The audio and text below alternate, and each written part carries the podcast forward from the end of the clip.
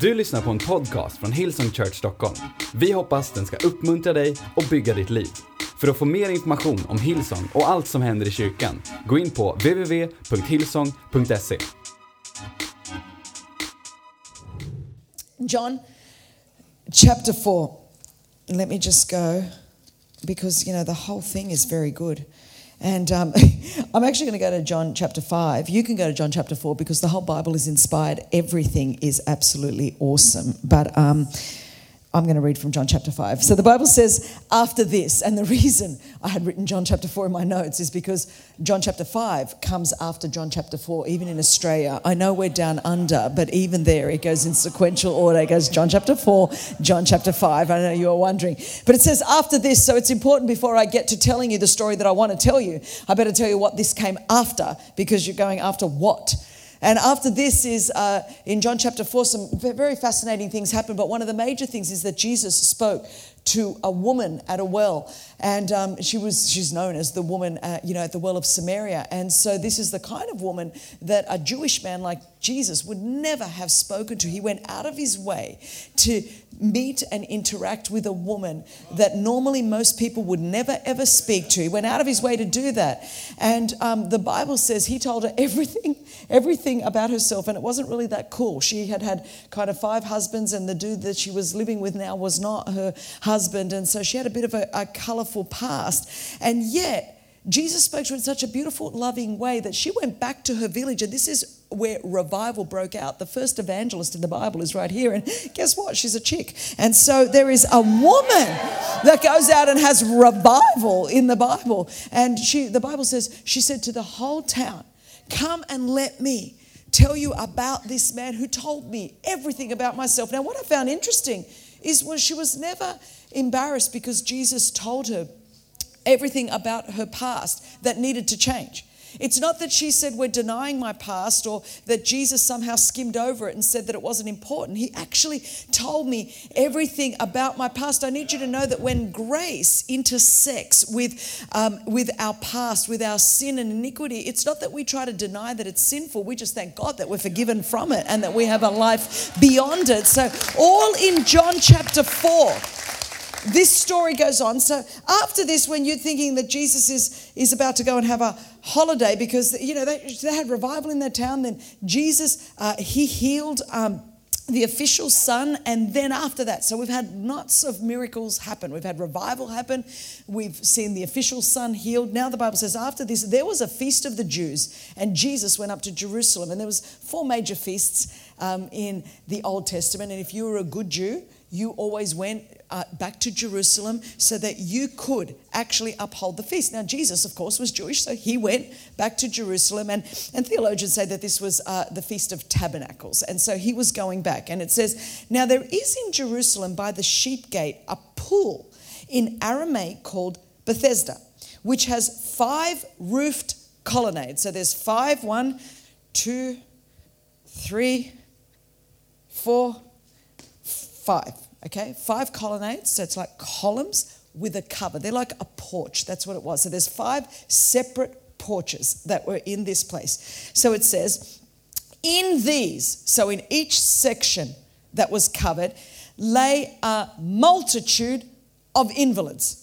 blind, lame, and paralyzed. Now you have to understand there was a multitude. That's what the Bible says, not just one or two, but a multitude. Under each one of the porches was a multitude of invalids, and they're in categories the lame and the paralyzed because do you understand that that, that misery loves company? Who, who, wants to lay there by yourself if you can lay there with a whole bunch of other people? And, and, and you find that they tend to congregate around their same issues don't they? That, that all people of one type were under this column and all people of another type were under this column and all people of another type were under this column. You find that. You know i've been in church life for 31 years and, and it's exactly like that. You, you find you know i don't even have to introduce you to each other. All the gossipers find themselves and they just sit in a section. Or all the progressives, they find themselves and they're up there in a section. All the conservatives, they find themselves and they all sit together. You know, all the skaters, they, they all sit together. All the it's amazing how you just find yourself.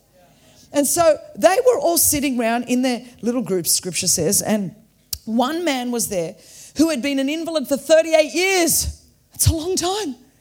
Jesus was only 33 when he died. So this man had been an invalid longer than Jesus had been alive. It is crazy. It says he'd been an invalid for 38 years. When Jesus saw him laying there and knew that he had already been there a long time, he said to him, Do you want to be healed? Now, look, this always cracks me up because honestly, Jesus would be fired from any church pastoral staff team. He would have been f- f- fired.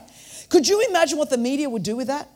That uncaring pastor goes to a multitude of invalids and he ignores the multitude, finds one, and says, Do you want to be healed? Can you imagine me going into the hospital going, Anyone want to be healed? Pastor Andreas would say, You know, you're not on our pastoral care team anymore. You're, you're going into the janitors. Jesus wouldn't make most people's pastoral care teams. They would say, He's got no compassion. He's just so not merciful. I mean, what kind of God is this that would come and would just challenge me about my condition? What kind of God would ask me, Do I want to be healed? What does he mean, am, am I sick? I've been lying here for 38 years. What do you mean? He, he should maybe be giving me some money to, to help me keep lying here. What, what do you mean Jesus walked into a place that is full of scripture says a multitude of invalids and sick people and, and he ignores most. Looks at one. Doesn't say oh you poor thing. I'm going to start a hashtag on twitter for you. I just feel so sorry for you. It's so bad. No no no. Jesus goes do you want to be healed this is interesting. You got to read the Bible. It is a good book. I don't know what computer game you're playing, but you need to get on the Bible because it's better. The sick man answered him, Sir, I have no one to put me in the pool. Do you not think this is psycho? Do you not think that if someone came to you and said, Do you want to be healed? you'd say, uh, Yes. Yes. But see, here's the issue not everyone wants to be healed. So he doesn't say yes, he goes, It's not my fault. I don't have anyone to put me in the pool. It's not my fault that I'm like this. So here you have the opportunity for healing. Here you have the opportunity for wholeness. Here you have the opportunity for a life beyond your past. But rather than to do that, I would rather continue to wear the, the, the badge of victimhood. No, it's not my fault. It's, I've got no one to put me in the pool. It's not my fault. No, nobody gave me a job. It's not my fault. Nobody set up a fund for me. It's not my fault. Nobody put me in a private school. It's not my fault. Nobody gave me a good house. It's not my fault. Nobody gave me an opportunity. See, that's what our world loves to celebrate. He says, I've got nobody to put me in the pool. And then he goes on, he says, when the water is stirred up and I'm going, and, and while I'm going, another steps down before me. So not only not only have I got no one to put me in there, but everyone always gets in before me. Someone always jumps in ahead of me. I always miss my opportunity because someone else always gets in there ahead of me. And so he goes on, he says, Jesus said to him, more pastoral care. Jesus says to him, Get up, take up your bed, and walk. I love that because Jesus is always going to tell you to do something you can't do. I can't believe Jesus. What do you mean, Pastor? I can't do that. Don't you understand my limitations? Don't you understand I can't do that? Don't you understand that's outside of my skill set? Don't you understand that's outside of my energy set? Don't you understand that's not on my Enneagram number?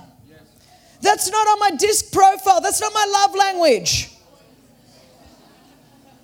I'm an Enneagram 8, not a 2. So I can't do that.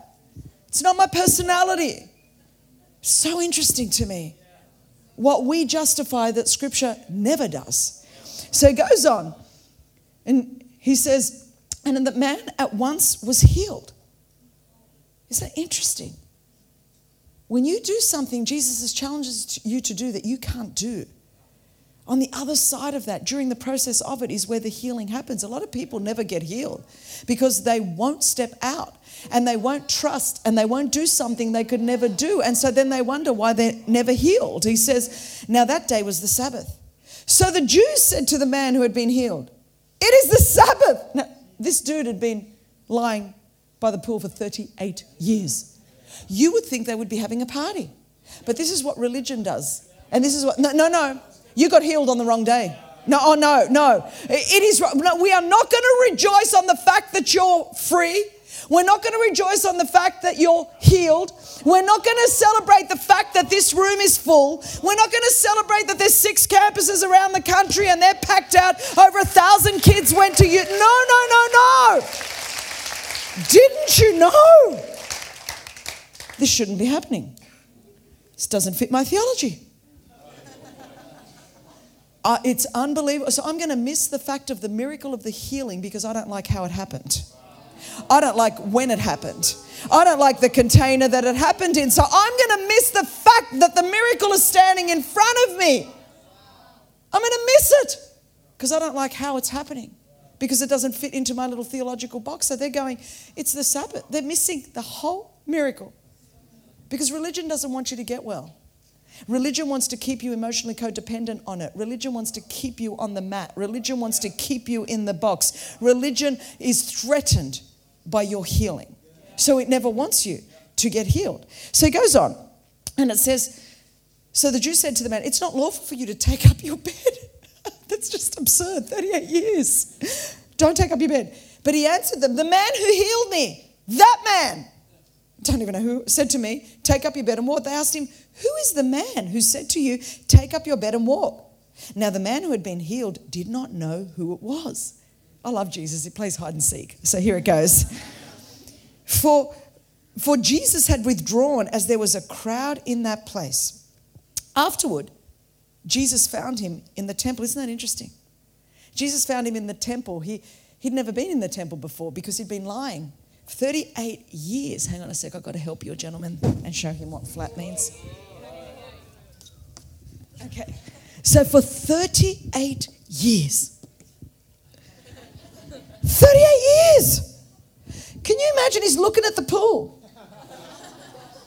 Do you know how deeply painful and frustrating it is to look at a future you can't touch? You can't get into. You, you can't go. He's looking at it. There's nothing worse than feeling paralyzed and looking at your future at 38. But you know, the guy, I mean, 38 years, you, you think like if you just wiggled a millimeter. I'm thinking like 38 years. Some of you, you've been lying here. It's not my fault my parents got divorced. It's not my fault there was alcoholism in my family. It's not my fault I didn't go to the right school. I was abused. I was hurt. I was this. 38 years. 38 years. Like, couldn't you just go, just do that? Just a little bit. Surely at some point you're going to fall in. But we'd rather sit in the back row and complain about what they did to me, what they said about me, what didn't happen. But he was lying there for 38 years. I wonder what happened. I don't know. In the beginning, did his parents bring him with all the multitudes of invalids? And then eventually, I wonder if his parents just dropped him off. And he just thought, maybe now's my chance because what happened was at the pool of Bethesda, now tradition said, and probably more superstition in those days, that it was like angels' wings moved the water and someone would go in and get healed once every every whatever two three years. But really what happened was underneath the ground there was like hot water springs and they would bubble over the top. But if you got in first you would be healed. So i wonder if his parents brought him hoping that one day he would be healed some of you come to church every week carrying brokenness carrying pain carrying shame carrying addictions carrying hurt and just lying there, looking, if, if only, if only, if only. And then healing himself turns up. And this is what I do in church life, see, because for a long time I've wanted people's healings more than they have. And I made a decision, I'm not coming for the crowds anymore. See, Jesus walked into a multitude of invalids, but he only looked at one and said, Do you want to be healed? So now, whether I'm in an arena of 10,000 people or in a room of 1,000, I'm, I'm just looking for the one. I, I, came to Stockholm for the one because uh, you just need one that wants to be healed. If you've got one that wants to be healed, you're, you're going to change the world. And he's just lying there. Because you know what healing does? Healing gives you access to places you never had access to. See, Jesus came and found him in the temple. He- He'd never been in the temple before because he was lying by the pool for 38 years.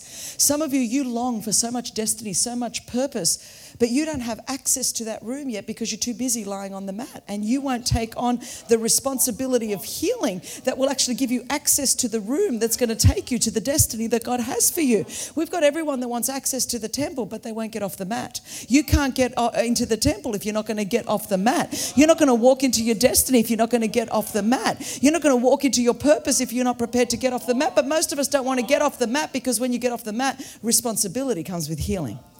And we have a generation that wants position but no responsibility. What we want is we don't want to pick up our mat and walk because it's easier being a victim. Because when you're a victim, everyone feels sorry for you. When you're a victim, everyone will cut you a check. When you're a victim, everyone will make allowances for you. But once you pick up your mat and walk comes responsibility with healing.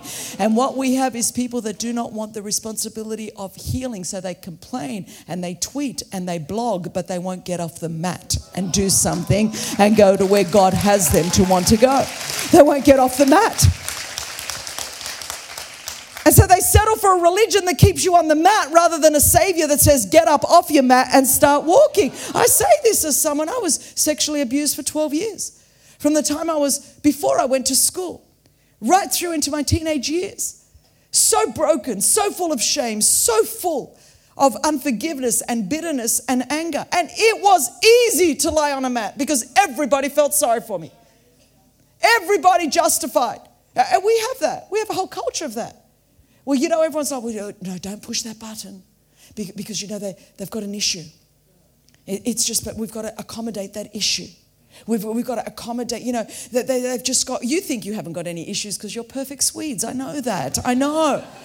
But if I just ask the person sitting next to you if you have an issue, the Bible is full of people that, that they had issues. We don't know their names, but we know their issues. We know their issues. I, I think about this. We know in Luke chapter 8, the woman with the issue of blood, we don't know her name, but we know her issue. See, many of us, we've lost our identity because we get our identity from our issue now. Oh, no, no, we don't get our identity from Christ, we get it from our issue. And so if we could just go, you know, that's my issue, that's who I am. And Jesus is like, wow, I didn't know your issue was who you were. I thought who you were in me is who you are. And so we've got a whole generation trying to get their identity from their issue. And Jesus is, really? Really? And so he goes on and we have the Samaritan woman. We just heard about her. We, we, we don't know her name, but we know her issue five husbands. The woman that was caught in the act of adultery in John 8, we don't know her name, but we know her issue. The man born blind in John 9, we don't know his name, but we know his issue. The demoniac in Mark 5, we don't know his name, but we know his issue. The leper in Mark 1, we don't know his name, but we know his issue. The deaf and the mute man in Mark chapter 7, we don't know their name. The Bible is full of people, we don't know their name, but we know their issues. And the point is that Jesus came to rename you so you are no longer defined by your issue, but you are defined by who you are in Christ. So I was abused for 12 years, but my identity is not in the abuse that happened to me. My identity is what Jesus Christ did for me at Calvary. That's where my identity is, who I am in Him. And our world is going cray cray. Our world is justifying and remorphing and fluiding and redefining so that everyone can find their identity in their issue. Your issue will keep you on the mat. Your issue will keep you from purpose and destiny. That's why the enemy wants to rename you by your issue. But Jesus came so that you could be redefined not by your issue, but by the precious blood that was shed at Calvary by his resurrection power. You are redefined as a son or a daughter of the King of Kings and the Lord of Lords. Not what happened to you, not where you were born, but who you are in Christ. The church of Jesus Christ on the earth needs a reawakening to who we are. And religion will try to keep you on the mat. Religion will say, You're a worm. Just be humble.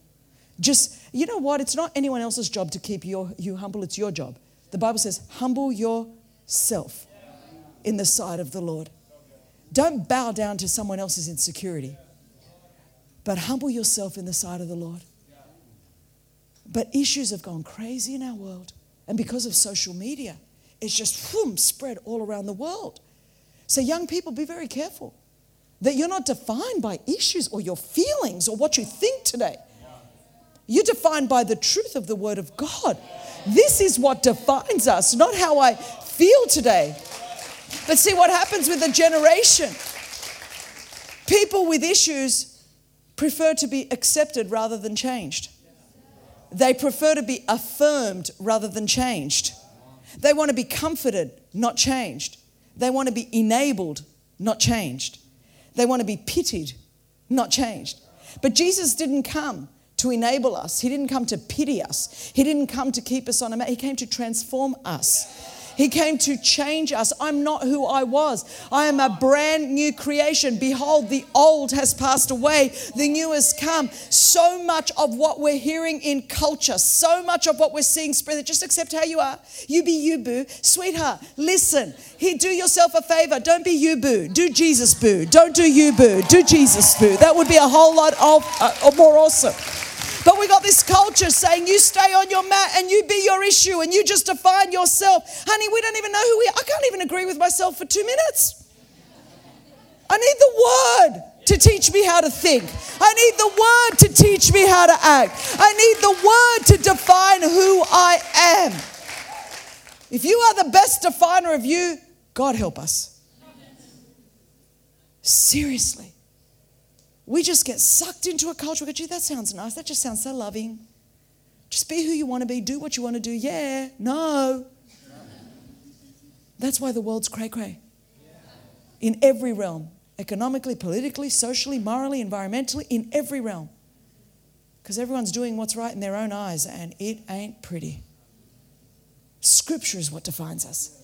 The Word of God is what establishes truth in our lives. This is the fact of our life.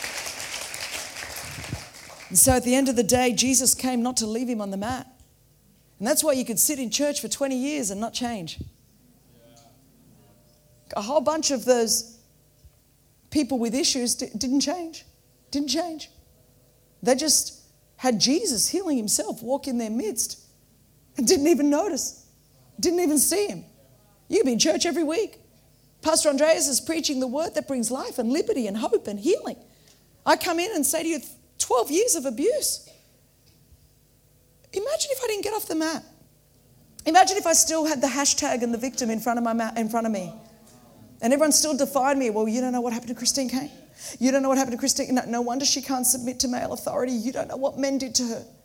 The only one that would have won is the enemy. Yeah. I would never have planted myself in church. 31 years ago, there would be no A21. All the thousands of women and children, the men that have been rescued, the hundreds of traffickers that are in jail, it wouldn't exist because I'd still be on my mat going, You don't know what happened to me. I'd still be talking about what they did to me. I'd still be talking about what they said to me. It wouldn't exist you don't know what's other side of your obedience. You don't know what destiny's on the other side of you getting off your mat. You don't know what healing there is for people, what salvation there is for people, what deliverance there is for people, what hope there is for people. On the other side of your obedience is a Swedish revival. If you would just get up off your mat and walk, if you would just get up off your mat. So, yes, there's a process of healing and restoration. But you've got to make what Jesus did for you bigger than what they did to you. That is the hope of our gospel. Otherwise, we have nothing to preach to this world. Otherwise, we're just another self help motivational seminar. That's not who we are.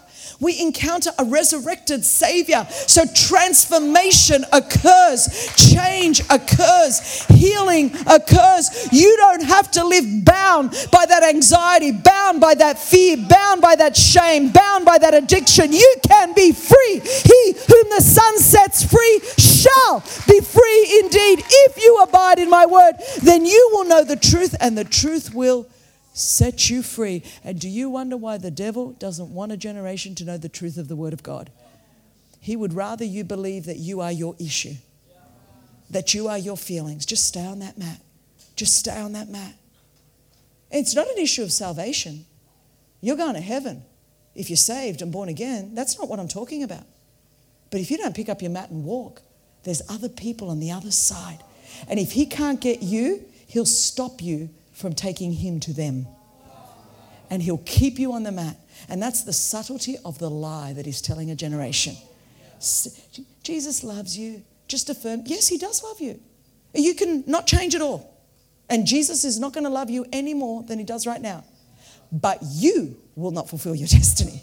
You will not go in and do all the things that He's called us to do. And the only person that wins is the enemy, because although He didn't get your soul, He'll get everyone else's soul that you should have reached with the gospel of Jesus Christ. That's the subtlety of the lie. It's not about, does Jesus just love me as I am? Yes. Yes. I'm not talking about your salvation. But I am saying your effectiveness and your fruitfulness is at stake. The devil is after your fruitfulness. The book of John says it is to our Father's great glory that we bear much fruit. So all these little people like, you know, just keep the church small. Don't you don't have to do too. Really? Uh, I don't know what Bible they're reading, but it's not the same Bible as me. It is to our Father's great glory that you bear much fruit. If you stay on the mat, yes, Jesus will love you. Yes, you don't have to change, but you're not going to bear any fruit and you are not going to impact all the people that He wants us to impact. On the other, we have kept the dialogue for too long on just does Jesus just love me? Yes. Does He accept me? Yes. And just grace, grace, Jesus loves. Yes. Yes. That's not the issue. The issue is your fruitfulness, your effectiveness, and your purpose. You're just passing through here. I, I don't know if you checked. But death is the ultimate statistic. One out of one will die. Just live long enough and you'll die. That's it. It's no big. Like I don't know why people are freaking out. I'm like, it's going to happen to the best of us, honey. It's that's it. So that's not the issue. Is not whether we're going to die. That's a given. That's a given. The issue is, will you live the life Jesus put you on this earth to live? That that is actually the issue. That's actually the issue. So we lie down and we give him excuses. We give him excuses, and Jesus says, Look, you get a choice. You can get up, you can pick up your mat, and you can walk. I just think, you know, in a, a couple of months, all around the world, and here particularly in Stockholm, has always been such a, and our church here, great supporter of the walk for freedom. I'm thinking if I never got off that mat and walked, there would be not 400 A21 walk for freedoms in two week, in two months across the world, where we shut down Stockholm and Oh, however, a thousand plus of you walk through the streets here. Now, if I didn't get off that mat and walk, the 50,000 plus people that will walk in two months around the world wouldn't be walking because I didn't walk. I'm trying to give you a picture to understand why you need to get off the mat. Because for the last few years, we have spent too much time getting down there with you, telling you how loved you are, and you are. But now I'm saying, hey, I'm moving on a bit. To say to you, it's time for some of you to pick up that mat and to start walking, to start serving, to start sowing, to start giving, to start being faithful in every area of church life. You know, it's never just about us. I just think on the eve of the, on the, you know, coming off the youth camp, you see that. I don't know how you don't cry looking at what God's done. We prayed for that. We prayed for that. And now I'm not thinking just about that because we've got that. You're here. Most of you weren't born when we were praying those prayers. Who is under 20 years of age, uh, below 20? You weren't even born when we were praying. You weren't even born. So, what I'm speaking to now is the potential in you for the people that are not even born yet 20 years from now. That, that's what I'm speaking to. I'm not even really speaking to you. I'm speaking to the seed of potential on the inside of you. I'm speaking to the, the future of Sweden. Why? This is why it's important. I, you know, I, I went and spoke at a, a, conference in England a while ago in a, a place called Bedworth, and it's um, very close to another city or village in England called Stratford upon Avon. And that's where William Shakespeare was born, and he wrote all of his plays, and he lived there, and that's where he wrote all of his, uh, all of his literature. And I studied um, Shakespeare, believe it or not, for three years at Sydney University. My degree is in English, English literature, and economic history. So basically, I can read little books and count to 10. That's what I do for a living. And so I, I, I did that. And so I thought, you know what? Since I'm so close to where William Shakespeare was born, I'm going to go and I'm going to visit Willie. That's what I thought. So I thought, I'm going to go visit Willie. And so I went to Willie's house, but he wasn't there because he died 300 years before. But that's detail. I told you everyone dies, just live long enough. It happens to all of us. And so I, I went to visit Willie. He wasn't home. But across the road, there was this, um, uh, this genealogy shop. Like you go in and you put your name into a computer and it gives you the history, you know, of all of your, your family tree. And because Nick, Nick has a British passport, I thought, you know, Nick, his last name is Caine. My, my name before I was married was Caryofyllis, so it's very Greek, it's not there. I thought, I'm going to put Nick's last name Caine because maybe Nick is related to royalty. Maybe I will get an invitation to the royal wedding. That's what I was thinking, you know. Maybe, I don't know if you got this here, but there was like a show, Downton Abbey. Did you get that on Netflix? Okay. So I thought maybe we have a castle somewhere in England and you know nick has been hiding it from me and maybe maybe this is it so i went in and i put in the name caine now i was expecting you know lord baron prince okay but it spits out this piece of paper no joke now remember we live in australia and so it had um, Caine, and it went back all his history. Pirates, criminals, murderers. I mean, that's, that's how they all ended up on Australia, on the convict ship out to Australia as criminals. I started laughing because, you know, I was thinking Lord Baron Knight, and there's like, you know, murderer, thief, uh, like, and, um, and then I started laughing even louder because I, I just had this picture, and I'm very weird. I thought, I married good bloodline there, didn't I? Like, awesome. And then I started thinking about my family. And I thought, that's even more cray cray. You know, I'm left at a hospital. I don't even know who my biological mother is. I didn't have a name. And then there was adultery and fornication and addiction and incest. I mean, it just doesn't. I just, I was like, I thought, gee, my girls, this is a great family tree. This is awesome. And why I was laughing was I thought, you know, it's like nothing can change that. I, I need you to understand this because I'm talking about getting up off the mat, the, blood of Jesus does not give us amnesia. I, I want you to hear that. It doesn't mean the past didn't happen. See, sometimes I think in some of our erroneous word of faith teaching, we used to say, it's under the blood, it's under the blood, it didn't happen. That's called lying, just so that you know. Faith is not calling those things that are as though they are not. That's called lying. Faith is calling those things that are not as though they are. So I don't say if I'm sick, I'm not sick, I'm not sick, I'm not sick. What I say is, I am healed by faith in Jesus' name. I'm calling that thing that is not as though it is. That's what I'm doing. But that's another sermon. So I'm walking down the street, I'm holding this piece of paper, and I start thinking, you know, it doesn't matter how much I pray, how much I fast, how many offerings I give. The past is the past. No, nothing will change it. Nothing will change it. And so then I thought, though, one day my girls are going to go in, and my girls will be in the next service. They were introduced to the blessed idol of the big shopping mall in Stockholm today. And so now they want to move here because you have the Scandinavian shopping mall. Okay, so, so they were, um, you know, my girls are going to pop out this thing. And um, it'll always show the same thing. It'll show on this side pirates, convicts, criminals. It'll show this side abuse, addiction, divorce, incest. nothing will change it. But then all of a sudden, my girls are going to read 30th of March 1996, Nicholas Joseph Caine marries Holy Ghost terrorist Christine Caine.